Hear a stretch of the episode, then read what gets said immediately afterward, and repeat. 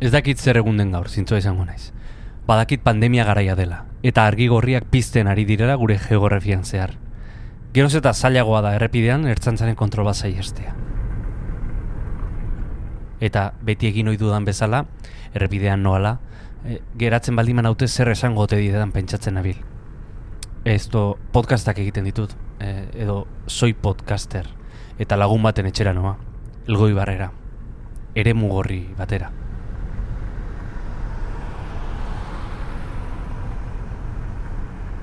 Horixe egiten dugu barruan gauden, ez dakit jadanik azaldu beharrote dudan, baina astero-astero bi mikrofono hartu eta persona baten etxera sartzen gara, bere intimitatean lasai asko itzazperduan aritzera.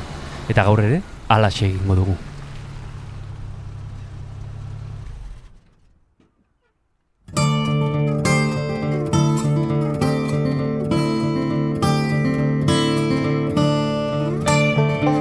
Gaur barruan gauden, Amorante, Iban Urizar. Ezin ditu manifestazioak egin, ezin gara bildu, ezin dugu ezarkatu, ezin dugu musukatu, ezin dugu, ezin dugu, ezin dugu, ezin dugu. Eta ezintasun horrek generatzen duen gauza bakarra da frustrazio. Eta nik usten dut hori da benetako gerra, gu daukaguna frustrazioaren kontra. Bueno, hori ere moda bat desela etorreko da. Ez? Moda neongo da besarkatzea eta jende guztia besarkatuko da. Bai. Guk orokorrean modak besarkatzen ditugu zerrez, eta gaur egun jendea baino horrexago. Baina ez da kontagiosoa ez, modak besarkatzea, ez da ez kutsakorra, jendea besarkatzea zela.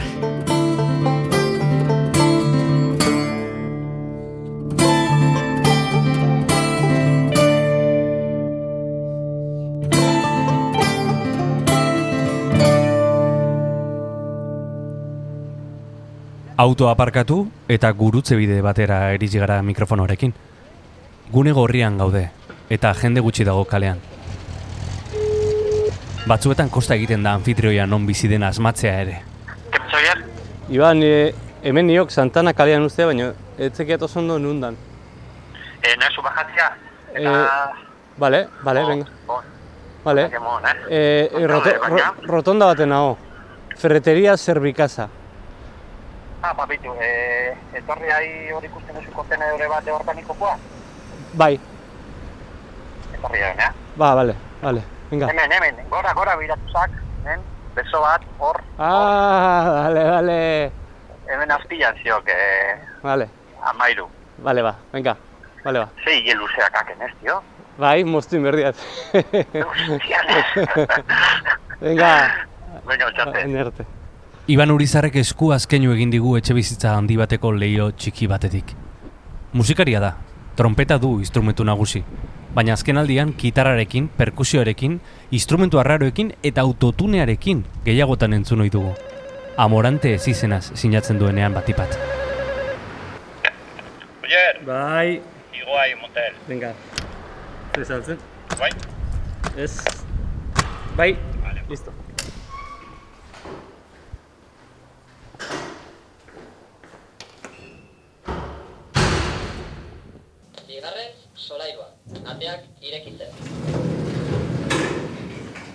Egun hon oier, motel, bai, bai, kuadratu bai. Pasa. Iretxe. Apai.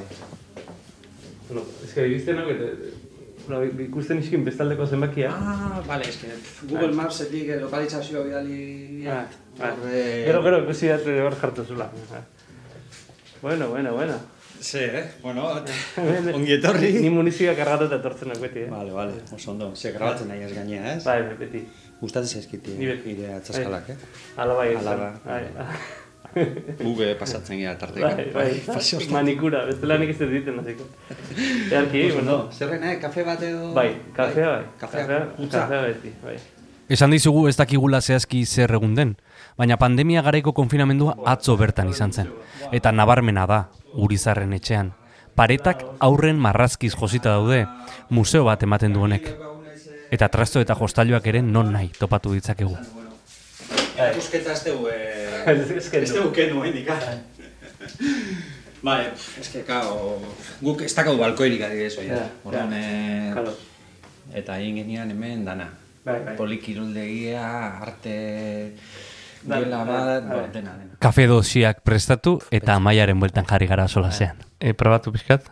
Ie, bai, hiru, bi, Bai, gelitu, bat. bildurri gabe gertu. Bai, Hola, hori da. Jo, Zukitze inkomodo, Vale, bai, aitzalda. Hemen? perfecto entzuten da. Oh, ondo. Nerea hotze ederronekin.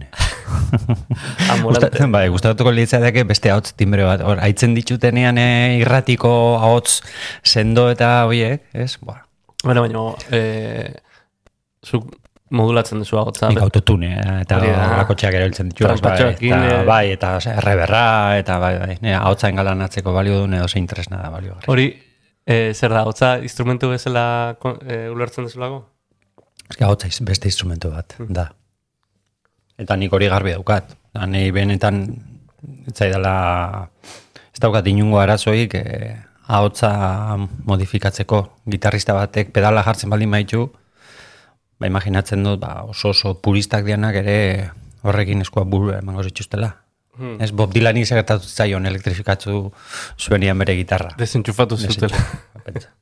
Bat, bat, batek baino gehiago neko luke nire hotza desentxufatzea beho, bai, segurazki. bueno, ez pentsa, nire neska guztaz, eh? eh noiz, noiz hasi zinen hautza instrumentu bezala erabiltzen?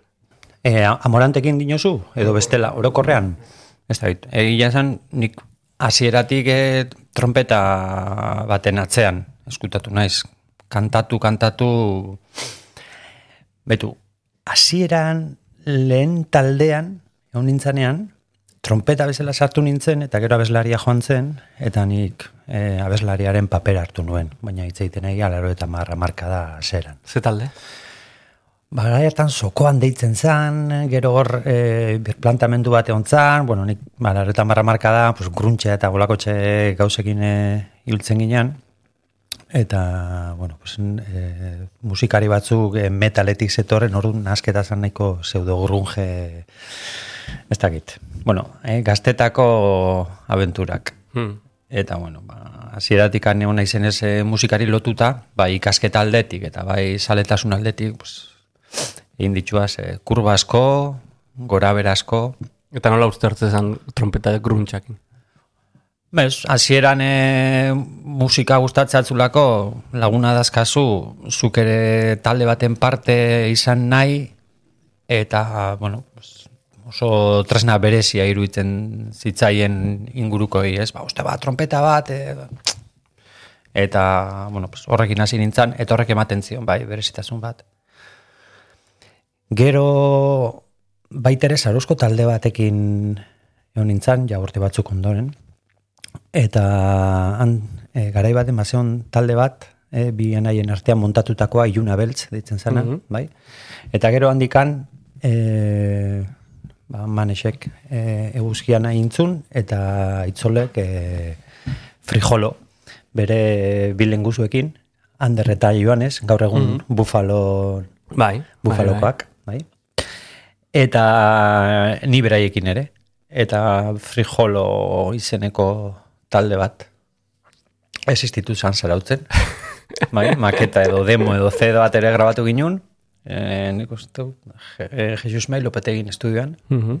Barrakoi hartan, eh? Bai, bai, nik uste, bai, bai, okar espaldi baino bai. Baina oain, eh, barrakoi, barrakoian hogeita bost urtez edo E, diskoa zerbait ateratu. irakurri nun, bai. Bai. bai. Oain atea du diska, Bai, ez? hori da, Oin hori gutxi da. irakurri dut, Hori bai. da. Jo. Eta betu, ba, frijolo ditzen zen talde baten, eta nere trompeta jole bezala, ba, ibilbide txo bat eukizun, ez oso entxutetxua, baina, bueno, gustora ibili ginen, eta bitu. Eta gero handikan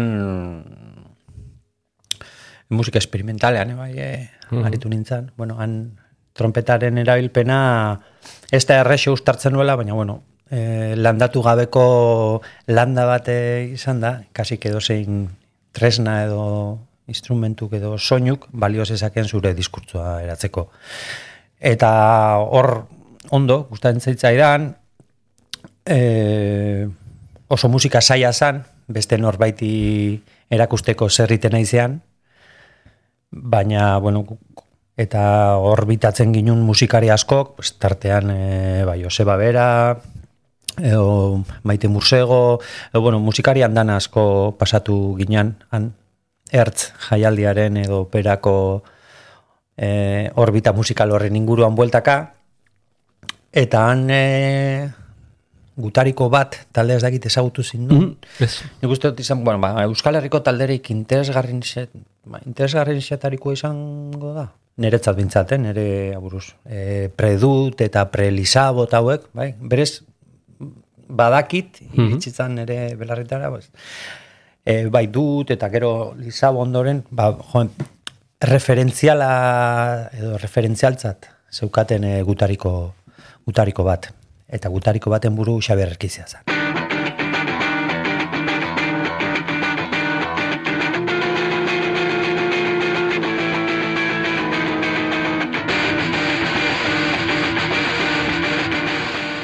Frontman bezala, kriston frontmana, abeslari moduan, eh, kriston presentzia zen tokian, eta egiten zuten musika bat, ba, eh, izugarri. Etze hon hemen eh, inguruan, eh, olako txeser egiten zunik. Entzungo dugu abesti bat, gutariko batena? Vale, Ze, venga. ze abesti? Eh, ostras, ba, ez dakit, eh, badakit Spotify ez dagoela, baina YouTubeen Seguro, hala. badago, badago abestiren bat, Bilatuko du. bai bilatuko dugu. Nik usten dut, eh, badagoela, Youtuben da, nada. bai, Rolex, segon abesti bat, A eta B, ba, zeuskaten, eh, gaina, zeuska, eh, manejatzen zituzten referentziak, eh, Hemen dago, hemen dago, gutariko bat, A eta B, A eta B, e, e, e, A gehi B, gehi Rolex. bai, eh, ba, a, a, a gehi ma- usten dut bi abesti diala peatuta, Aha. Edo Rolex, nebe da maezu, baitu. Venga, entzun zagu.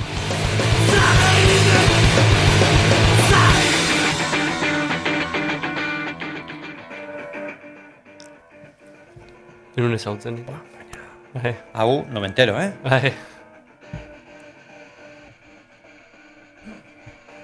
Erkizia, eh? Cantante, chaval, cantante eta ideólogo, eh? Mhm.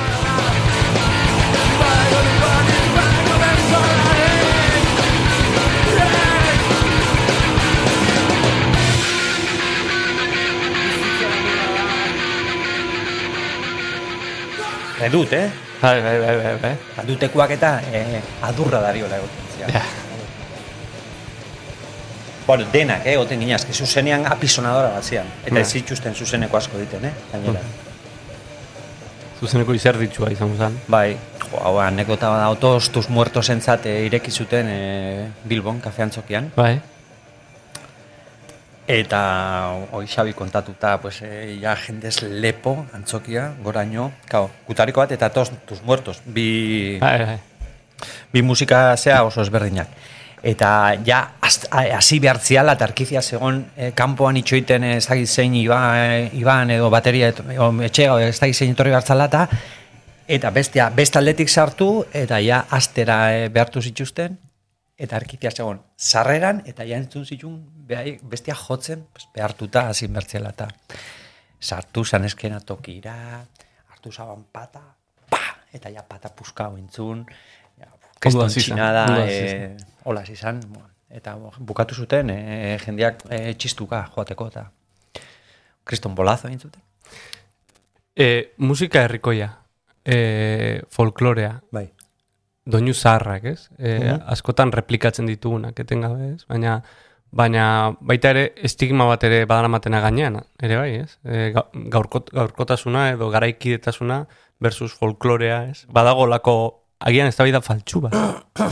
Bueno, ni iruditzen, iruditzea eta gertatutako gauzekin, ez? Bai, historian atzean usten dituen gauzekin, ez tartean e, tradizioa, folklorea o ditu jozuna ezun bezala, e, asko mitifikatzen dugula.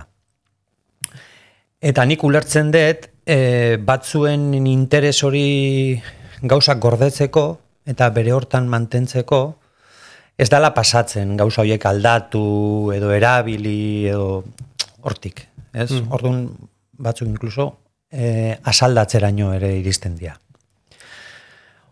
Jo, nahi iruditza eta musikalki, heltzen baldin maetzau, badauzkagula erreferentzia e, aintzinakoak, bai e, soinu edo e, musikalki, edo hitzetatik hartuta, edo kultura konkretu bati, garaim konkretu bateko zerbait e, erabilita eta gure egin ginke. Eta gure hori batzuek deitzen diote eh, apropiazionismoa, ez? Oso hitz eh, pomposo eta... Hori hori galdetu behar nizun, horre Bai. ere beste polemika erraldoi bat egon da musikaren inguruan, ez? Bai. Eh, apropiación kultural, edo. Bai, e, hombre, nahi iruditzen zait musikak ez dakala jaberik.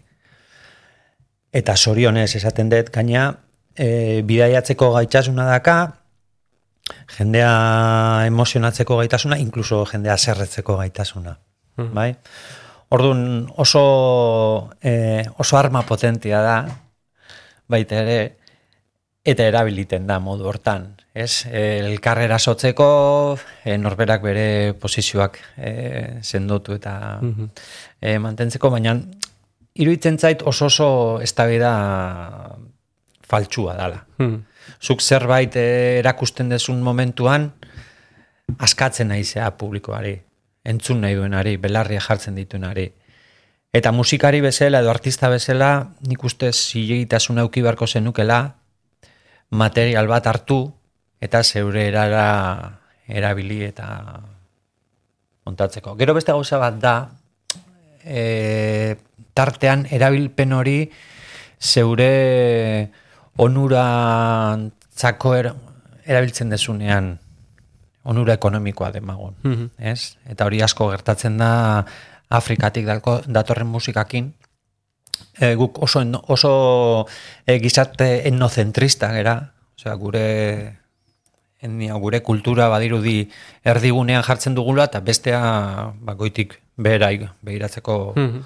e, jora daukagula. Eta Afrikarekin gertatzen da, adibidez, e, talde pila bat daude, musika estilo ezberdin pila bat dago, eta behiratzen dezu adibidez, manaierren kontuak, ez? E, Afrikar talde gehienen manaierrak txuriak dira. Mhm. Eta askotan frantsesak, baina hori beste zea bat da, eh? Baina, e, horrek eramaten zaitu pentsatzera, jo, ez dakit ezautzen dezun e, konono, bai? Konono numero uno, bueno, horre Kongoko talde, talde bat zan, Bai. talde bat da, e, bertako partaideren bat oindala esain beste zendu da gainera, hilda, eta hauek e, Kongo Kinshasako auzo txiro hauetako baten e, e, bizizian, eta egiten kalimbak elektrifikatzen zituzten, bai?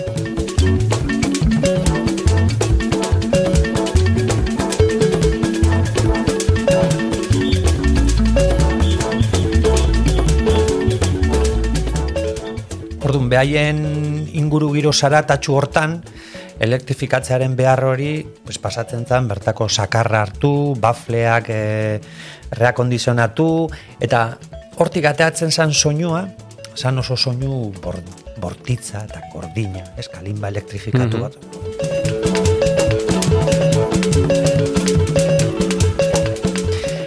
Eta, bueno, pues, modernoaren komunidadeak e, besarkatu zuen e, musika hori, eta, kau, igotzen du e, garaikidetasunaren e, adalidak e, izango balira bezala Afrikan. Eta beraien musika hori ateratzen da behar batetik, ez Mhm. ez, occidente, occidentalak e, nahi degun leku hortan egoteko bakar. Hor, etnocentrismoa aipatu duzu, baina, geroz, eta, e, bueno, badago nortasun mendebaltar bat, ja, ez? Oso globalizatua, ez? Eta, eta askotan, e, neurei autokritika egiten diot, e, pintsatzen dudan musika gehiena irratian, adibidez, edo, edo entzuten dudan gehiena anglosaxoia delako, Bai. amerikarra delako gehienetan. E, e, egia da, bueno, badaudela bueno, e, Ego Amerikako e, proposan interesgarriak, oso masiboak ere direnak, mugimendu oso interesgarriak, ez?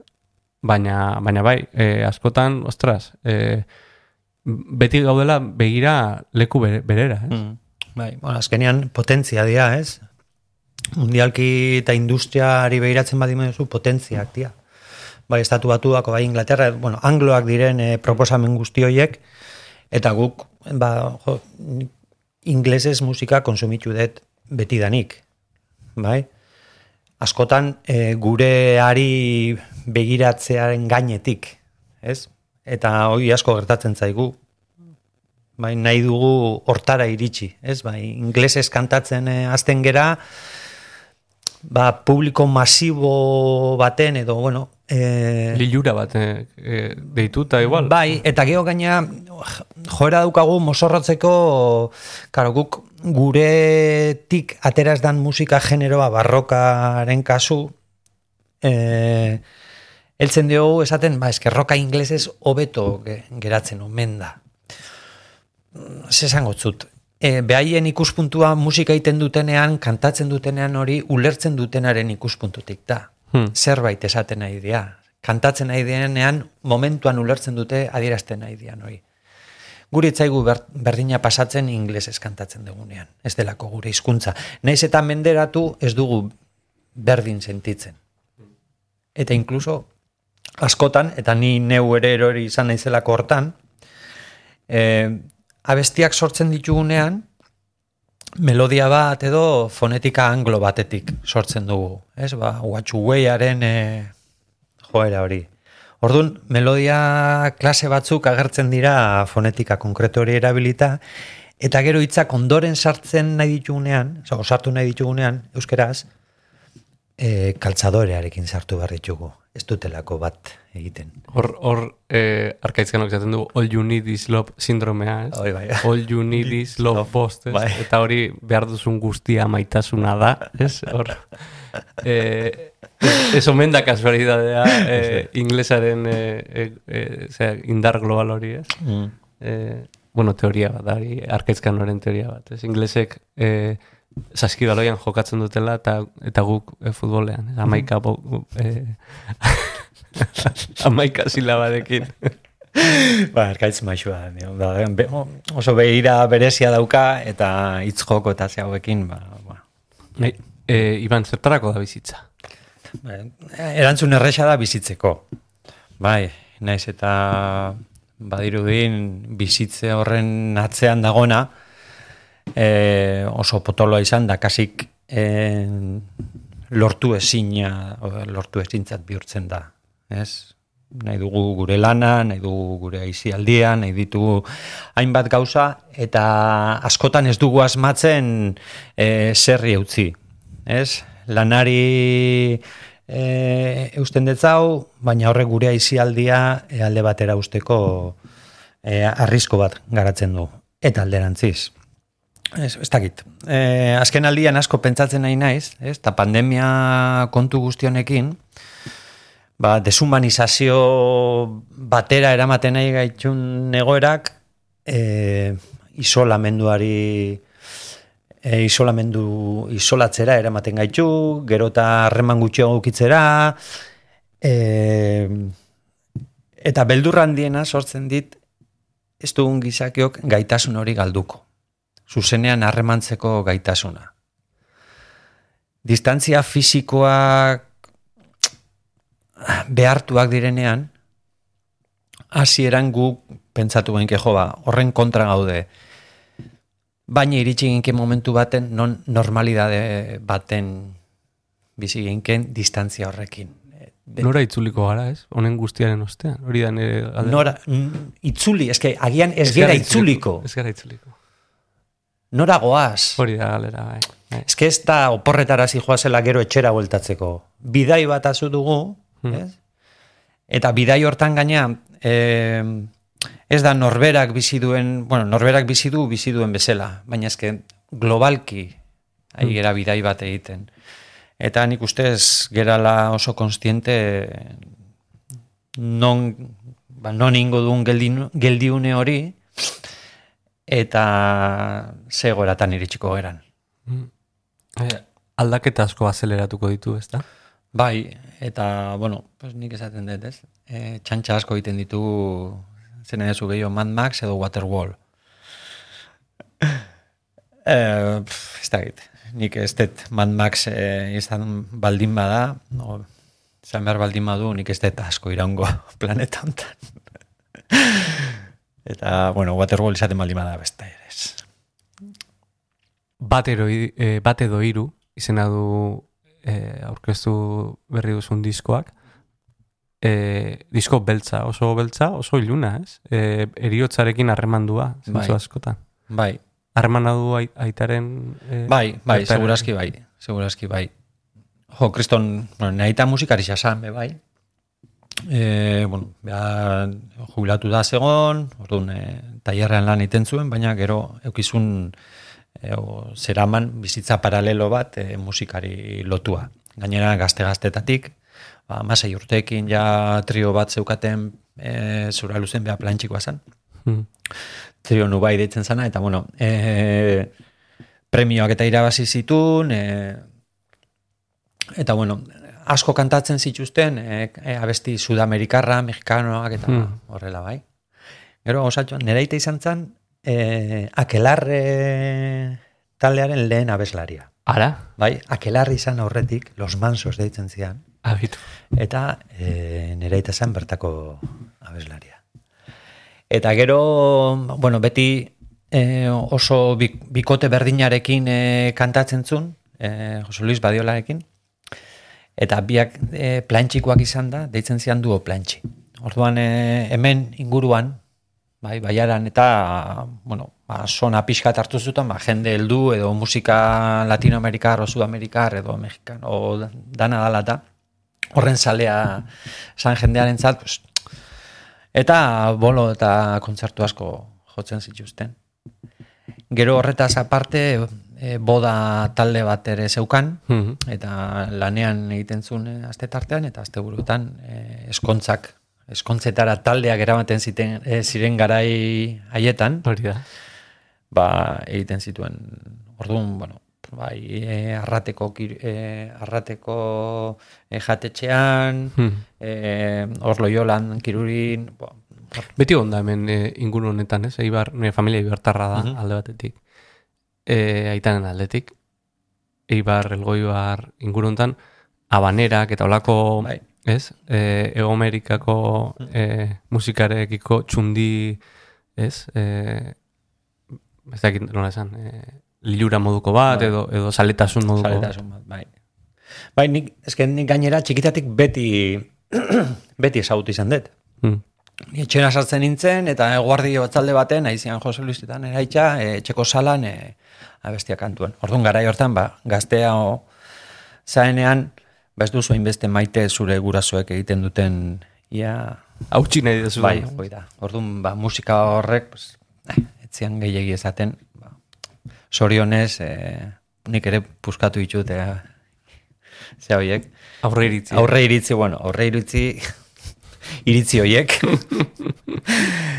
Eta bueno, ba, gustatzen zait pentsatzea, ba, nere aitak egiten zuen hori nigan ere influenzia zuzena izan dela e, nere bizitza eta bizitza musikalean e, zehar. Gero ere BBC-ak egin ditut. Karo, trompeta jotzeak eraman nau e, eskontzak eskontzetan jotzera eta horrelako txe, bai, ez dela pues, musikari baten e, jardunean pues, espezializazio bat egoten da batzutan, pues, batzu roka egiten dute, eta ez dire, ez, ba, askotan tresnari lotua zaude, eta nik trompetarekin, pues, egin ditua, ez, e, danetik, operak, Kuriosoa da, eh? E, gaztaroan, edo gazte zarenean, e, nola gustartzen dian batetik ez jakintasun bat, ez? E, inkonformismo erabatekoarekin, eta hor, e, bati burri hortatik, ba hori, e, askotan pentsatzen dugu, dagoen hori austea dela e, aurrerako jena, ez? Eta gero, agian konturatzen gara aurrerago, ez dela, hori, ez, e, zuk aitaren aipatu duzu, nik amarekin, nire amare galdu nuen e, goi urten dituela, minbiziarekin, baita ere, minbizi madarikatuarekin. Eta bera jartzen zuen beti Maria Dolores Pradera. Mhm. Nazka ematen zidan. Osea, ja ezin nuen horrekin. Ja burruka erabateko eta orain da momentua entzuten dudan Maria Dolores Pradera, eta irutze zait, ostras, e, gauza marabilloso. Marabia bat, claro. Eta unkitu iten zera, eta, eta ez dezu lertzen nola unkigarritasun hori esten esnatzen gaztea zaenean, eta zuk esan dako arrazoi horrengatik da, ez? Beti, ez, kontra. Beti kontra, hori da. Hori da. bai, bai, nere zemeak amar urte dauzka, eta nera betasun gerturatzen aidan enean, pues, eh, ikusten nahi natzaio adarrak, zezen nahi.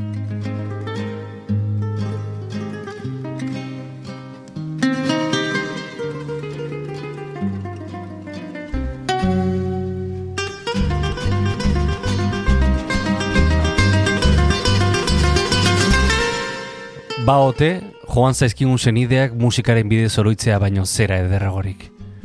Gure amazenak Maria Dolores Pradera jartzen zuen larun bat goizetan etxean, egon gelan. Déjame que te cuente limeña Flor de la Canela entzutean garai haietako usainak, irudiak, ahotsak loratzen zaizkit. Urtailaren barrutik, larrua zaleraino. la memoria del viejo puente, el río y la alameda. Déjame que te cuente limeña. Ahora que aún perdura el recuerdo, ahora que aún se mecen en un sueño, el viejo puente, el río y la alameda, jazmines en el pelo y rosas en la cara. Airosa caminaba la flor de la canela, derramaba lisura y a su paso dejaba aroma de mistura que en el pecho llevaba.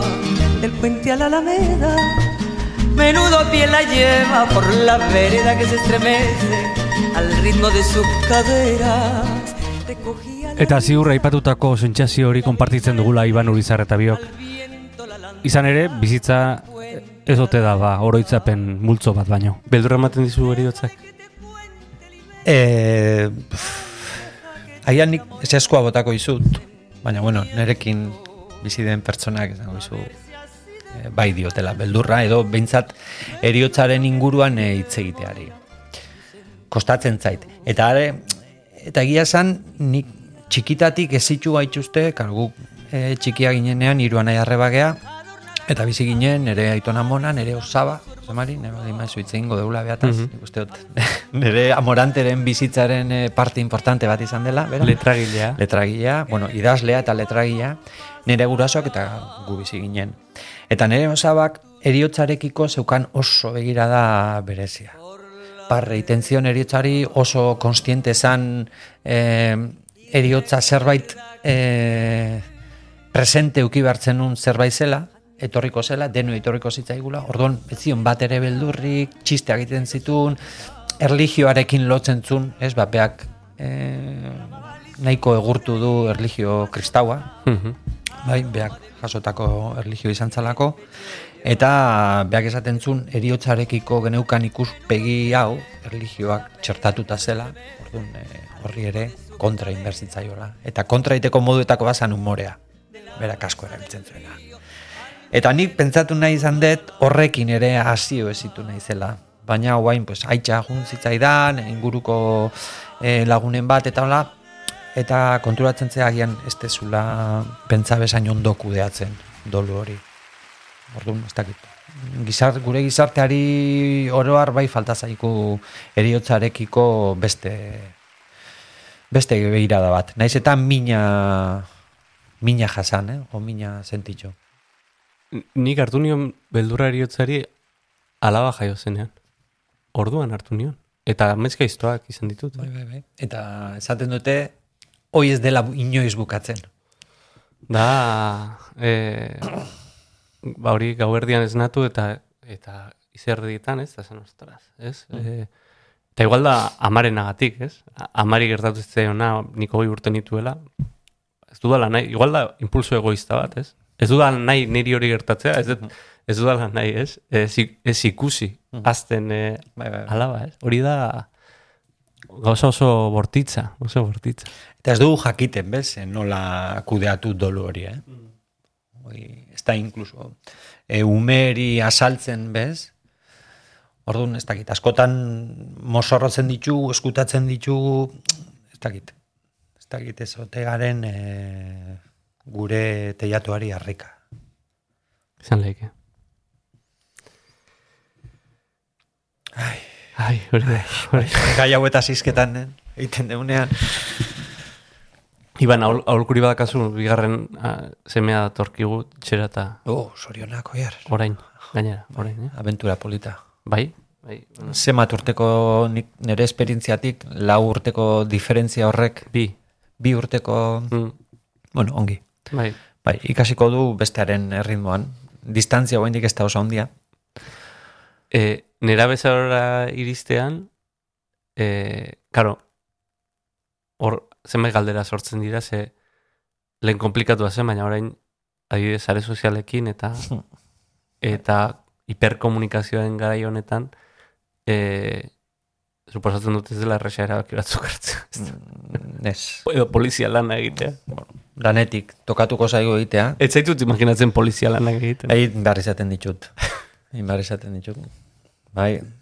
E, eta askotan, nire ofizio, ez, irakaskuntzaren ofizio honetan, guain are gehiago tokatzen zaigu poliziaren egiten. Bai? Ikaslei musukoa erabiltzea Hmm. behartzeraino. Bueno, beste gabe, nerabetasunak ematen diana, eta nik nerabeekin lan egiten dut, orduan, Bigarren hezkuntzan musika irakasle Bai, bai, zelako. bai, dena dukat. Bigarren hezkuntzan eta musika irakasle. Orduan, ba, bueno, nire semea, ba, kasu honetan gertuen daukadana nerabetasun hortara iristeko, ba, bai, ze, hiperkomunikazio ni kriston beldurra diot. E, ba, nik nire gurasoak ikusten nitun bezala ikusten dudalako nire burua. Bai, bizpilu hortan. Sare sozialen erabilpena erabiltzen dut, baina ez dakit ondo erabiltzen.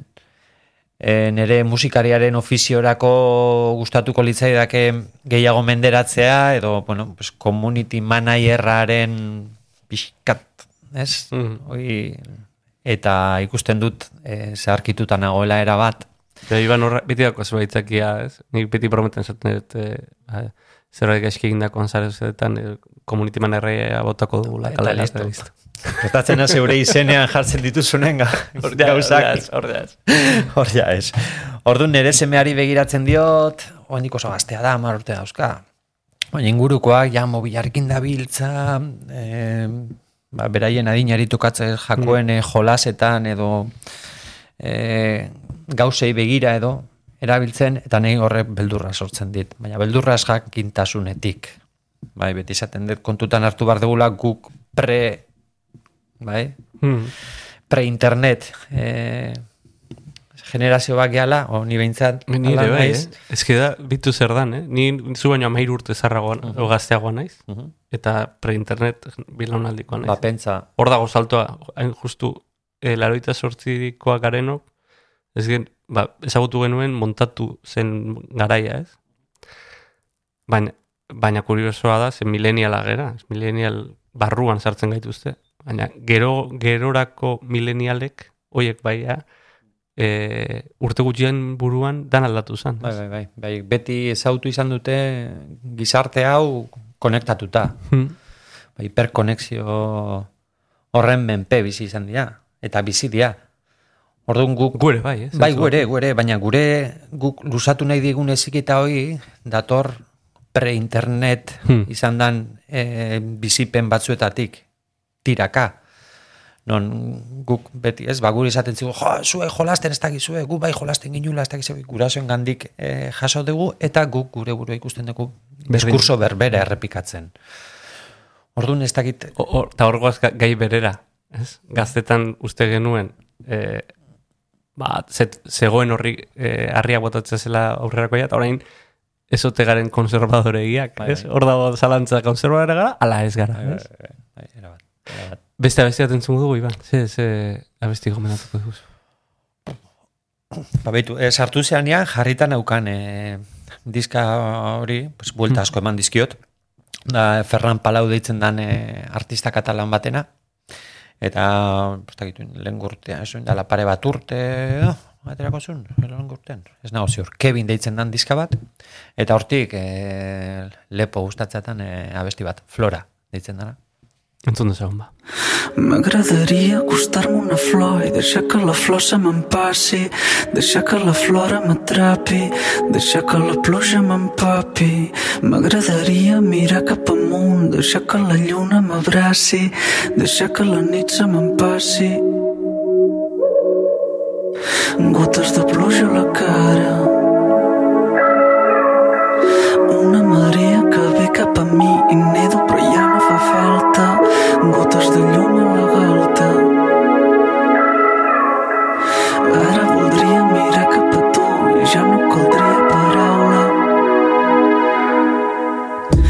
Ja sé que hauria de fer una cançó que parli d'aquesta mirada, que parli d'aquí i d'ara, que sigui la flor més amarga. Però és impossible poder capturar i de mentre la vida s'escapa, potser és que no queda paraula. Zin dugu hiperkonektibidadea eh, ez, hiperezitazioa, ere bai, ez? Nola bait, eh, bultzatuta etengabe impulsoak, ez? Etengabe eh, kinada jasotitu mugikorretik, leku guztitatik, ez? Gure atentzioa jasotzeko, gu, Mhm. eh, ez, harrapatzeko, eta da, truko denak da, dakizkigu, ez? Ja, ez, Ni porno, porno emozionala ditzen dut. Bai, ez, ba, ba, badaude resorte horiek tiratu, bakizkinak zeintzuk eta nundik eh, tiratu, eta bai, gaur egun hortaz jositxa gaude. Ez, man, ez da manipulatu, manipulatzen gaituztela, baina bai manipulatzen dituzte gure emozioak.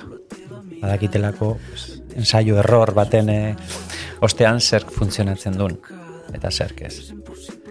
Eta bai, bueno, ni jarraitzen dut hendikan emozionatzen, eh, zu garai bateko pelikula hauek eh, su, eh, superazioanak, ba, saskibaloi Bai. ekipo luze errauetako bat, eta bukaeran bakizun nola bukatu, bai, ni hendik emozionatzen naiz. Naiz eta bukara... Trukoa ezagutzen duzu, baina ere. Bai, bai, porno emoziona, emozionalaren eh, zera, zuzena naiz erortzen ez denetan.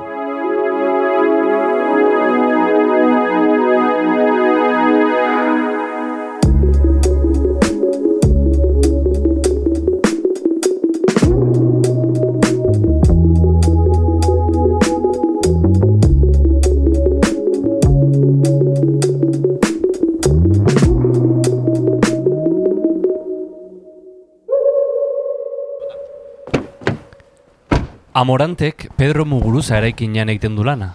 Bertan ensaiatzen du, bertan konposatzen ditu abestiak. Hau da, e, gure gure lokala, hemen. hemen hau, eraikina. Pedro Muguruza. Han, eh, Hau, zer, zer bai, da? Pedro Muguruza, bueno, hau eskolak zian, Bai, bai, ba, Euskal Herritien zehar, itxitako eskola askotan egongo ja, bai. bai, lokalak edo espazioak ez. Eta Mhm. hemen udalakin dabana da, eh, elkarte ezberdinei eh, ba, espazioak edo lokalak eman. Eta in, gure, guretzako inzituzte, oin dituzte, beia, beia da. Ah, Hemen barru- Barrura sartu bargera. Vale, vale. Eibar eta Elgoibar inguruan oso ohikoak diren gune industrial horietako batean dago Pedro Muguruza eraikina. Barura sartu eta Iban Urizarren kobazuloa ezagutu dugu. Eh, eta hemen pasatzen dut, ba hori, astean hiru bat aldiz, etortzen naiz eh, lanera, ensaiatzera gauetan. Bai, insonorizatuta... Bai, bueno, eh, plantxa hauek jarri ditugu, pixkat, eh, oi hartzuna eta katzeko. Eta hemen daukat nire txokoa, bai, E, e, Esan behar da, erre, erresa dala asmatzen zinden zure txokoa. bai, bai. Ona, bai. Bueno, hemen bestela ikustezu, ez? Bateriak eta Bai. ni eskina baten nago, nire trasto guztiekin. Eta ja daukat, ja, klak, piztu, Lokala instrumentuz beteta dago eta ikusten da beste talde batzuk ere bertan ensaiatzen dutela. Hala ere, erresa da asmatzen zein den Iban Urizarren txokoa. Txaurra. Eta nago prest autodunea erabiltzen.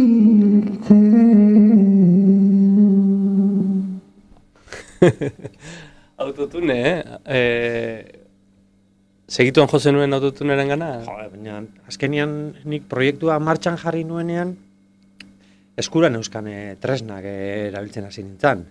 Eta jo, ba, pedalak, ez, trompeta, eh, harmonium bat adibidez eh, garbi neukan eh, nahi nula eta urte, oin dela urte batzuk indiara bidai bat egin genuen eta Ba, Zer da harmoniuna?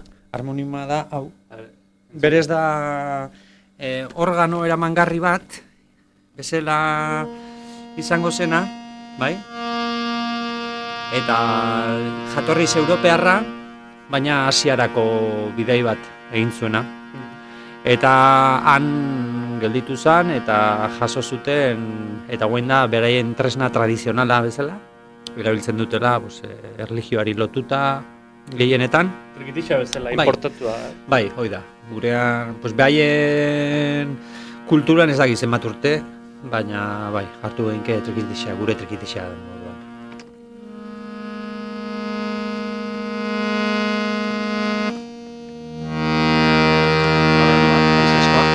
Eskerreko eskuarekin eh, euskoari ematen diot, eta eskubikoarekin ba, piano itxurako tekla hauetan sakatu. Asko erabiltzen dute beraiek e, kantuan abesten duten e, bitxartean melodia duplikatzeko. Bai, ez dute oste akordeak edo egiten, askotan egiten dute melodia duplikatu. Orduan, karo, zaude pianoa jotzen bi eskuekin, baizik eta bakarrakin. Orduan, bueno, organo bat. Organo hau nola erabiltzen duen konturatzeko nahikoa da otoi abestia entzutearekin.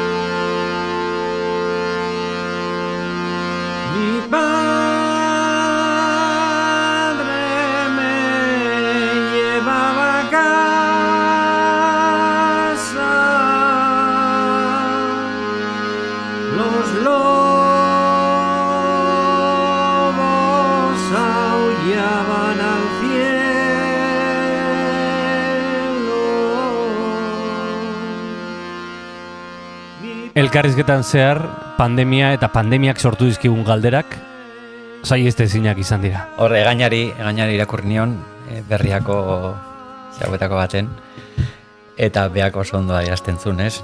Normalitate berria berez oksimoron bat zala, ez? Berria baldima da, ez da normalitate bat, eta normalitatea baldima da, ez da berria.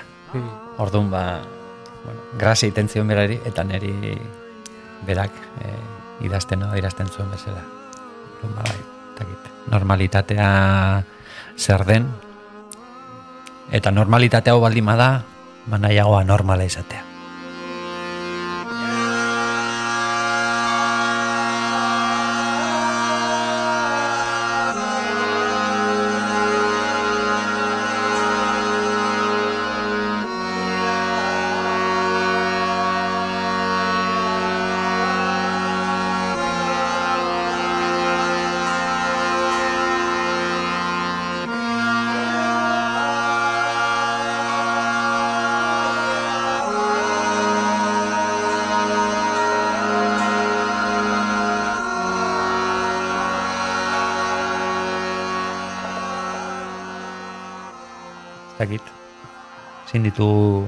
Manifestazioak egin, ezin gana bildu, ezin dugu ezarkatu, ezin dugu musukatu, ezin dugu, ezin dugu, ezin dugu, ezin dugu. Eta ezintasun horrek generatzen duen gauza bakarra da frustrazioa. Eta nik usten dut hori da benetako gerra. Gu daukaguna frustrazioaren kontra. Eta hor, nik uste dut e, gogortu edo bintzat indartu beharko ginakela. Ez, gure frustrazioak e, kudeatzen ikasi, batzuek kanpoko laguntza eskatzen dute, beste batzuk e, eskura daukaguna erabiltzen dugu, nire kasuan musika. Orduan e, ez dakit. Ja gustoko desun hori ere frustratua izaten denean, ja, ez dakit heldu leku gehiago, gelditu lehizken. Bai. E, aipatzen da rebote ekonomikoa, ez? E, aipatzen da honen ostean etorri daiteken mejora ekonomikoa. Ez dakit noiz, ez? E, esaten, hasieran esatu zuten V bat izango zela, eta orain esatu dute U bat izango dela, ez? Luzatuko den. Gauzaren, gauzen kanpai. Hori da. Eta ez dakit agian ere e, fede gehiago beharko genuke, ez? Gure, gure ondorengoengan eta pentsatu horre ere e, harremanetan ere gertatu daitekela kontrakoa, ez? Rebote bat, ez? E, e, alegia e, ja pandemiarekin askatuta eta honek ekarri duen guztiekin askatuta datozenek kontra egitea, baina ba, besarkatuz. Ez? Bai. Zakite, igual fede gehiago ukitzea da. Bueno, hori ere moda bat desela etorreko da. Ez? Moda neongo da besarkatzea eta jende guztia besarkatuko da. Bai. Guk orokorrean modak besarkatzen ditugu zerrez, eta gaur egun jendea baino horrexago. Baina ez da kontagiosoa ez, modak besarkatzea. Ez da, ez da. Ez da,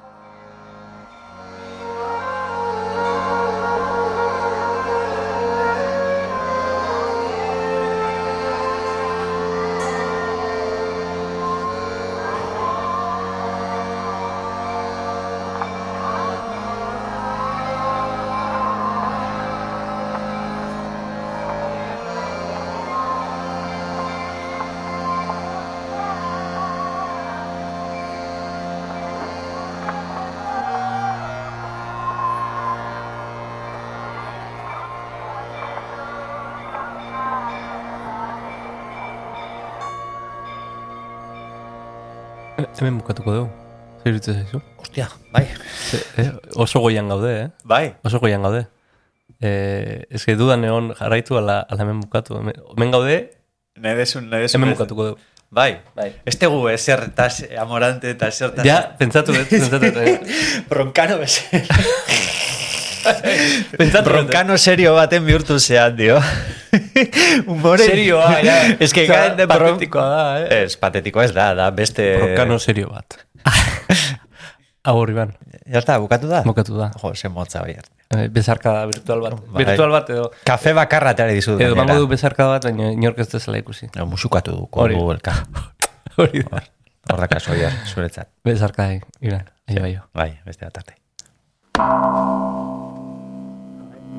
Orduan, e, mobilera dijoa aplikazio hau, eta soinuak aldatu ditzazket, eta bai, ba, e, visualki ere, da zerbait zapaltzea, ez, orduan, bueno, nahiko iradokitzaia da. Orduan nabil lanean pixka bat e, gauza horiekin. Eta, karo, gauza horiek erabiltzea dakar beste batzuk pues, gerota gutxiago erabiltzea, gitarra adibidez gerota gutxiago erabiltzen dut, Baina, bueno, trompeta adibidez, e, inoiz eroriko ez da e, tresna bat izango da. Eta hau da, eramaten dudan trompeta zuzenekoetara.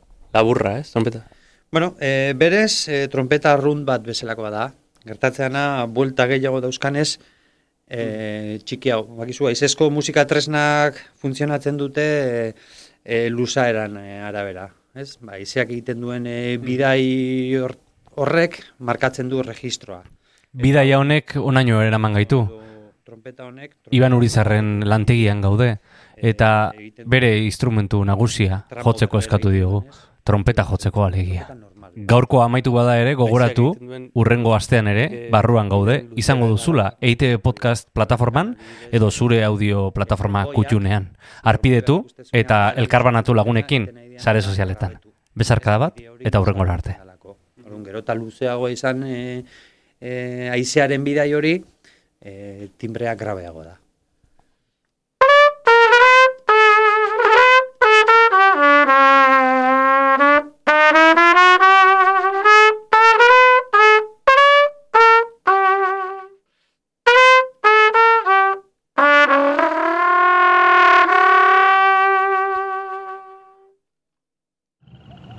Ei, txt, entzun hori. Ulu Media.